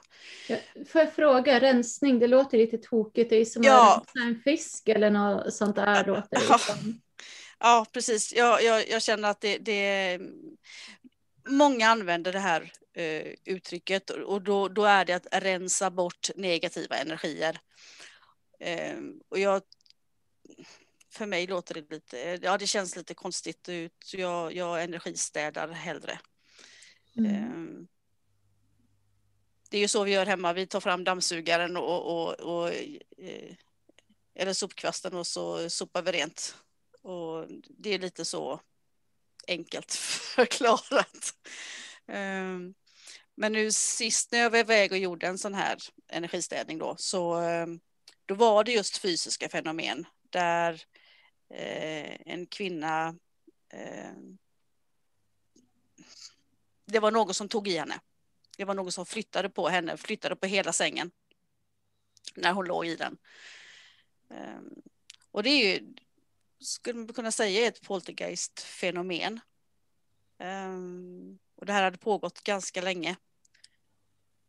Eh, I ett års tid ungefär. Från och till. Och det hade blivit mer och mer här nu. Och det jag upplevde när jag fick kontakt med den på andra sidan så den här anden hade noll koll på att den var död. Utan trodde sig vara kvar i våran värld.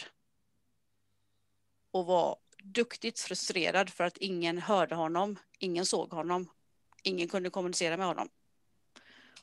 Och då blev han arg och irriterad och tyckte att det var jäkligt jobbigt och så kom han ju på det här, ja men om jag, om jag rör på någonting så ser de att jag är här.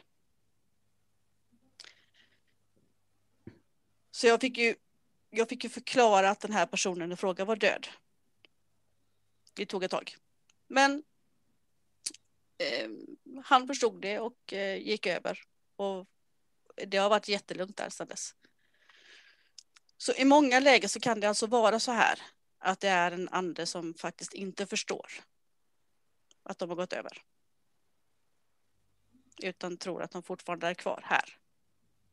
Och då kan det bli sådana här extremt tokiga fenomen.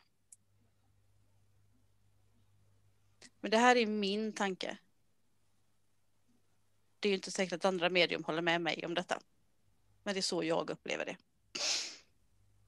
Men det är ett språkbruk som är ganska vanligt. Så att det, upplevelserna påminner om varandra. Att det är negativa energier som man känner av tydligt och som ungefär som du beskriver det. Jag har ju sett några inslag i Det Okända från, från TV4 för några år sedan. De beskriver det på ungefär det sätt du beskriver och då Mm. misstänker jag att det är ungefär samma sak ni upplever. Mm. Ni beskriver Ja. på ungefär samma sätt. Okej. Ja. Ja, nej men då, då, då är det nog så. Och Ja, jag, det- jag tänker att det kanske är så dagens poltergeist-fenomen är. Ja, det är ju, det är ju, det är ju fysiska fenomen om, det, om saker och ting rör på sig. Och särskilt om, man, om någon lägger handen på min axel och det är någonting som inte jag ser inte förstår. Det är ingen vanlig person som gör det, man känner tydligt av det. Det är ju väldigt obegripligt för de flesta och man, man, man avfärdar det som fantasi, men den som upplever det upplever det väldigt tydligt. Och man blir Precis. närmast cho- chockad. Mm. Och så, det här har ju också förekommit just när du sitter i en, i en seans och du har ett fysiskt medium. Ett fysiskt medium är ju ett medium som, som just framkallar det här med ektoplasma. Eh, ett fysiskt medium eh, är även något som eh, ett transmedium där de, ja det här är så lite konstigt att förklara men de låter anden ta plats i dem och eh, anden, den här personen som kommer igenom, framträder i ansiktet. Så du kan se en annan människa i mediumets ansikte som kommer fram. Det är transmediumskap och det är också ett fysiskt medium som gör sådana här saker. Men just om vi sitter då i en seans med ett fysiskt medium som sitter som, som Sara förklarade förut eh, i, i ett litet bås och då sitter de fastbundna just för att ingen ska tro att de gör någonting, hittar på saker, för det är helt kolsvart inne i det här rummet. Eh, och då, då kan det alltså komma någon, eh, det kan komma fram så att de känner att det kommer någon och smeker dem eh, på kinden. och att de, de kan känna andetag framför sig som blåser på dem i ansiktet och så vidare. Och det är också sånt eh, som fysiska medium framkallar. Då. Det är en annan form, det är ju inte ektoplasma på samma sätt men det, det ingår i det här. Mm. Just det, du nämner att de, ansiktet förändras, det känner jag igen. Deras röst förändras. Ja. Det känner jag också igen. Det är många som eh, rapporterade på sina sittningar att, att eh, den typen av förändringar är ganska karaktäristiska. Mm. Och lite svåra och det tyder ju på att det är något som händer. Man kan ibland tala ett språk som man normalt inte kan. Precis. Jag, eh, jag, har råkat ut för sånt, jag har råkat ut för sånt här själv. Just att min röst har förändrats. Ehm, jag blir jättehes. Ehm, jag kan börja prata med en helt annan dialekt. Det händer inte jätteofta nu för tiden, men innan jag, eh, innan jag gick den här mediumutbildningen så hände det här jätte, jätteofta. Så jag har, jag har väl någonstans lärt mig kanske att, att eh, eh, hantera mediumskapet på ett helt annat sätt nu så att jag inte låter det eh, få helt fritt spelrum. mm. Um, jag tänkte, du kom in på någonting som eh, vi inte har pratat om så mycket och som kanske väl inte är enbart mot poltergeist-fenomen, men som handlar just om de fysiska upplevelserna. Eh, och då tänker jag på att, eh, att människor upplever ju, eh, eller berättar då att de upplever att det är någon som, eh, ja, som du sa Göran, som lägger handen på dem eller kramar dem, smeker dem. Um, eller ibland river dem, har det ju varit många som har skrivit om på sista tiden. Det tog jag, vi tog upp i tidigare avsnitt också. Och sen dels det, och att, att det räknas också till sådana här fysiska upplevelser, men också eh, fina och angenäma upplevelser som eh, jag vet att det har stått i tidningarna om att någon har gift sig med en ande förut. Um, ja, och dela säng med den här avlidna personen. Det var en pirat har jag för mig. Ja, det var det nog ja. Ja, mm. precis. Men sen också att det, eh, att det finns en del då som uppgett att de har eh, upplevt sexuella trakasserier av eh, andar helt enkelt. Då har, det, då, har det, gått långt, då blir det rubriker av nästan. Mm. jo, men det är ändå, ändå fysiska upplevelser. Mm. Mm.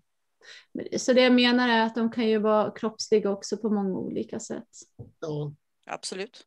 Det, det jag tänkte på när du, när du pratade lite här Helene, det var ju det här med de här transmediumerna. Uh, och det är ju någonting som uh, populärkulturen gärna knyter an till det här med, med poltergeist-aktivitet, att det handlar om någon form av uh, besittning och att så här, personerna förändrar sig i sitt beteende eh, och så där kanske under tid. Eh, men det är ingenting som man har sett någon form av bevis på eh, inom, inom parapsykologin på det här sättet. Eller? Hur menar du då?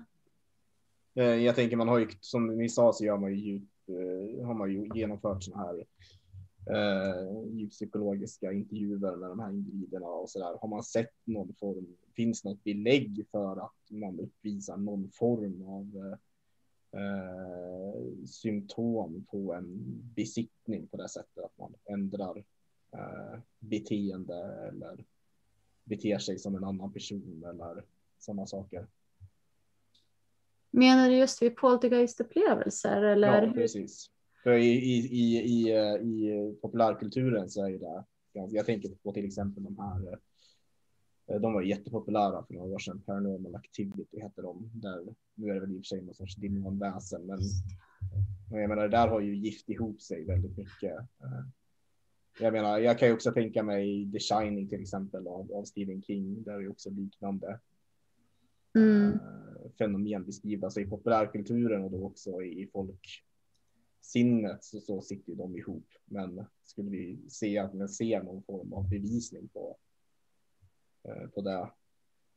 Tror inte att det är så att man blandar så många eh, upplevelser som kan vara otäcka som möjligt? Att det är det. Ehm, Mm. den här eh, flickan i det här fallet, Poltergeist-fallet som vi tog upp i början, som jag kallar för Aidinfield, fast det heter End, Endinfield. Enfield. Enfield. Jag fattar inte, Aidinfield säger jag. Mm. det heter det inte. Men den här flickan där, va, hon... ehm, om, man tittar, om ni tittar på dokumentären också så kommer ni se att hon upplevde sig ju då ehm, prata genom en avlidens ande. Och eh, nu får du rätta mig om jag har fel här Göran, om jag minns fel eller inte. Men eh, det som var undligt med det här, det var att parapsykologerna då som var där och undersökte och som inte får prata med den där rösten på inspelningen och sitta och prata med den här mannen då genom henne. Eh, så, så säger de, och skriver de, eller när de dokumenterar så, så säger de också att vi, vi såg att hon tyckte om att få uppmärksamhet. Och att till exempel den här rösten, att hon förstä, förställde sin röst. Men det verkade inte alltid vara så, utan att det började som någonting annat i henne, men sen så fortsatte hon liksom och eh, med det där eh, självmant, för hon tyckte om att bli uppmärksammad när det gäller just rösten. Jag kommer inte ihåg detaljerna från det fallet, eh, även om Mm. jag har läst om det några gånger. Eh, Men ibland så kan man göra det för att få uppmärksamhet. Mm. Eh, Sen kan ju vissa inslag vara äkta. Ja, och det var det jag tänkte att det var det här som jag, jag, jag lyfte fram det lite dåligt. Det som jag uppfattade när jag såg eh, det här eh, och när jag tittade på det här, det är att det var en blandning av det här. Dels att hon faktiskt upplevde sig ha någon mer kanske i sig, alltså, alltså upplevde kanske någon dubbel personlighet eller vad man ska säga. Men att, att um, det sen övergick till att bli en lek, om man säger så, lite mer. Och att det var en blandning mellan båda sakerna. Ja, det är det man får vara observant. Det är nästan att man får liksom umgås med personen för att se hur, den, hur, hur mogen och vuxen man är. Alltså. Det drar oss väldigt många av oss att vi vill ha uppmärksamhet. Eh, vissa vill inte alls ha uppmärksamhet för detta. De avskyr uppmärksamheten trots att de är med om märkliga saker. Och det är ganska uppfriskande. Om man visar att man trivs med uppmärksamheten och söker sensationer. Det är lite negativt egentligen, men kan visar man att man kan distansera sig och förhålla sig neutral till upplevelserna, det, det är positivt tycker jag, för då, då är det äkta fenomen. Om man däremot upp, upp, uppskattar uppmärksamheten, då kan, det, då kan det ligga lite i, en i fatet. Då kan man tro att man skapar fenomen och låtsas eller ja, få det till att det är äkta fast det, man själv hittar på det. Mm. Det är genuint mänskligt att hålla på så, men det ska alltså en tränad forskare kunna upptäcka och läsa av om hur, hur man fungerar med det där. Det är ju samma som med media, att man ska träna sig i att skilja på intryck och egna tolkningar.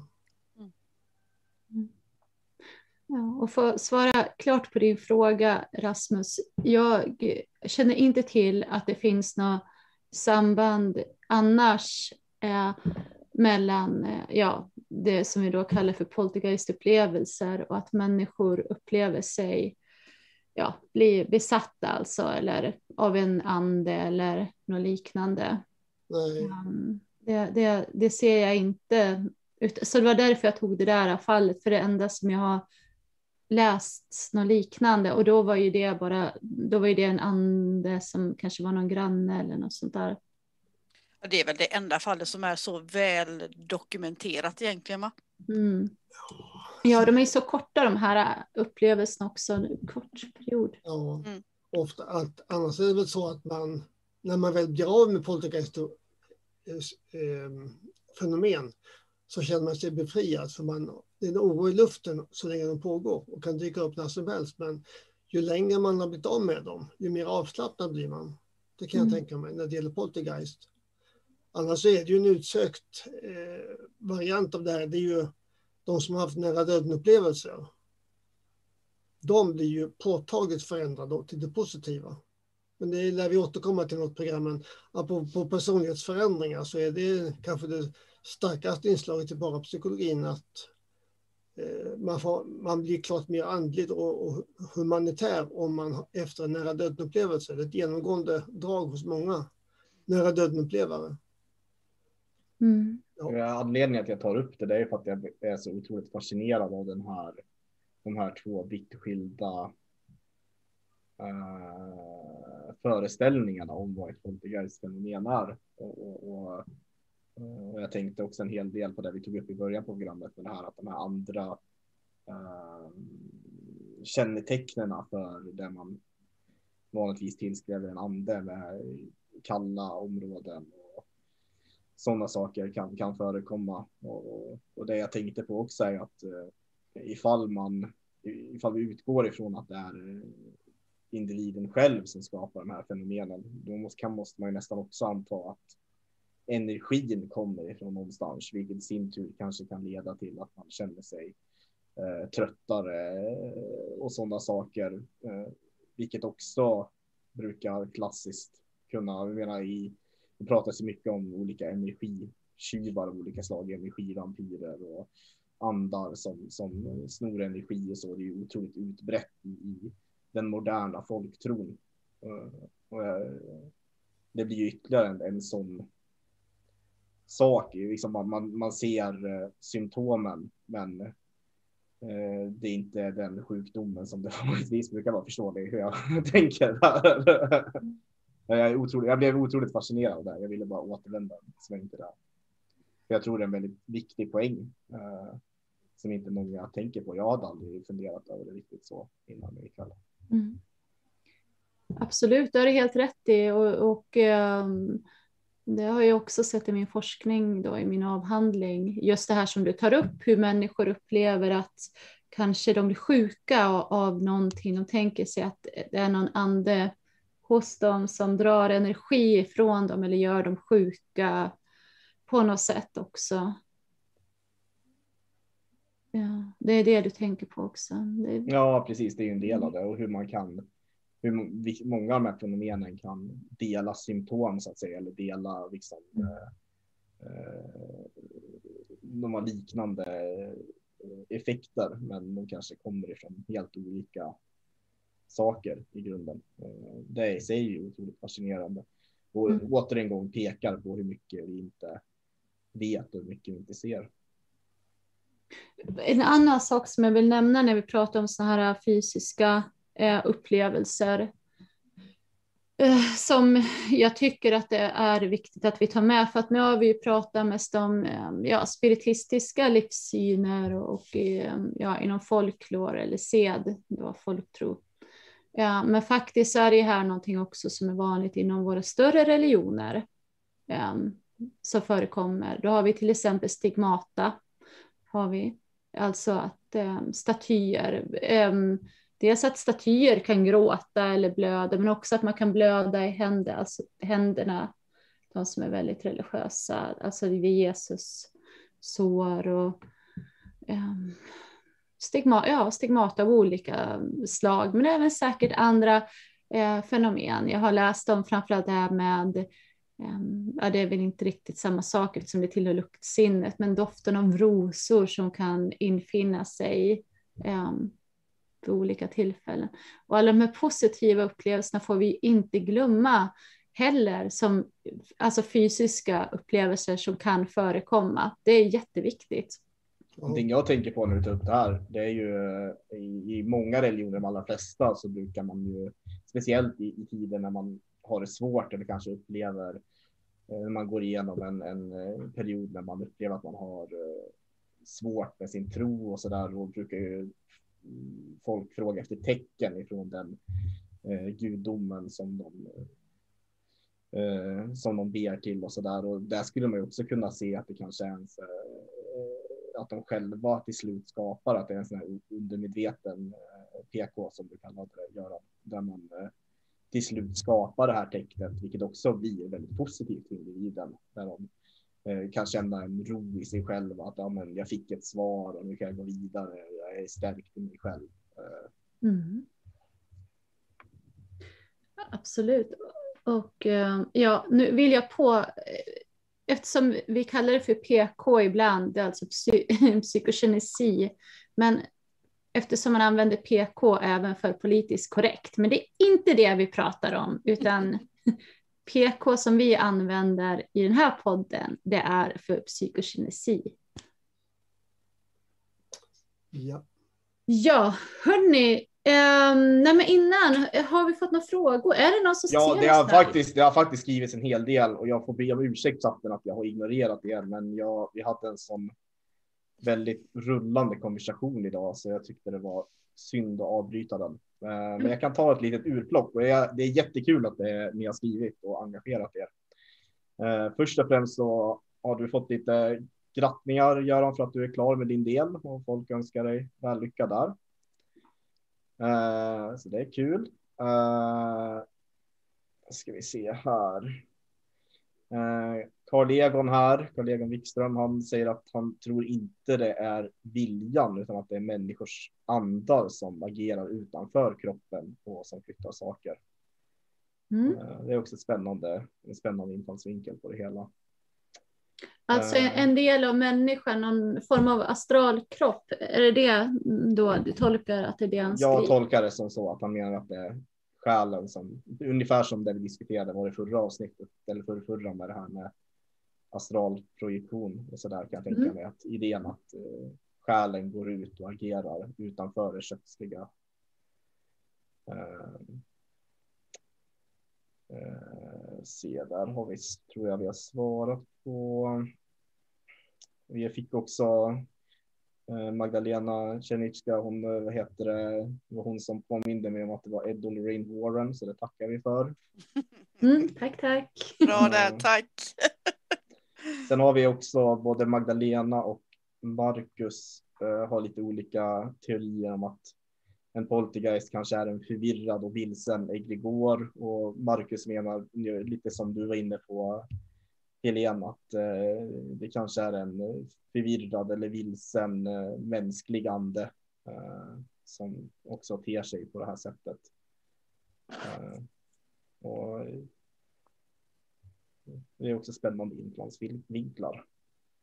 Eh, och så fick vi också från Marcus en liten, eh, vi fick två frågor på slutet. Vi fick en liten uppföljning på hon som gifte sig med piraten, att hon skilde sig sen för att hon upplevde just det vi diskuterade, att han snodde hennes livskraft.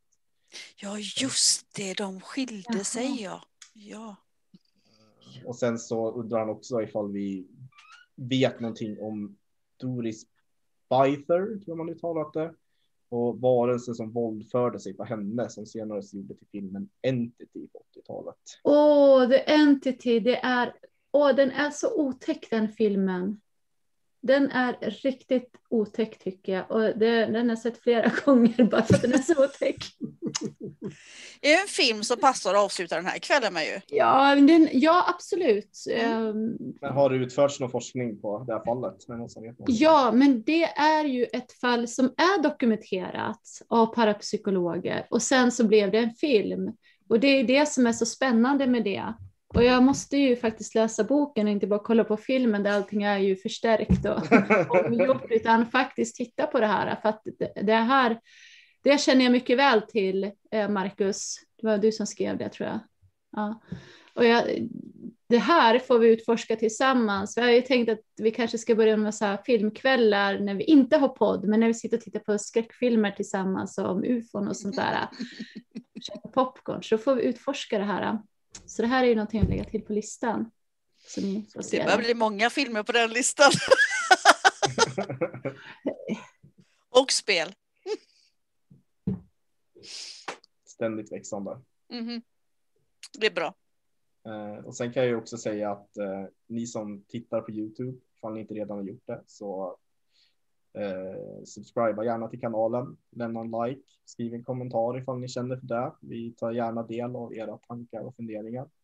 Ifall ni lyssnar på Spotify, eh, hjärta, tryck gärna ett hjärta på det här avsnittet och eh, dela med era nära och kära ifall ni tyckte det här var intressant. Ja, Och följ oss gärna på Facebook och Ja. Instagram. Både på paranormala perspektiv och på SPF-sidan. ja. Mm. Så, vad säger ni? Är det någon som vill tillägga någonting annat innan vi säger farväl? Nej. Nej, Nej. ja. Jag tror vi alla är rätt så trötta nu. Så att det alltid blir utdraget. Hörni allihopa, eh, mina kära poddkamrater och alla ni som lyssnar eller tittar. Tack för idag. Det har varit jättetrevligt som vanligt. Och jag tror att vi kommer ut med ett nytt avsnitt redan nästa tisdag, men då är det inte live. Så tills dess, sköt om er och ha det så bra. Hej då! Hej Hej då! Ja.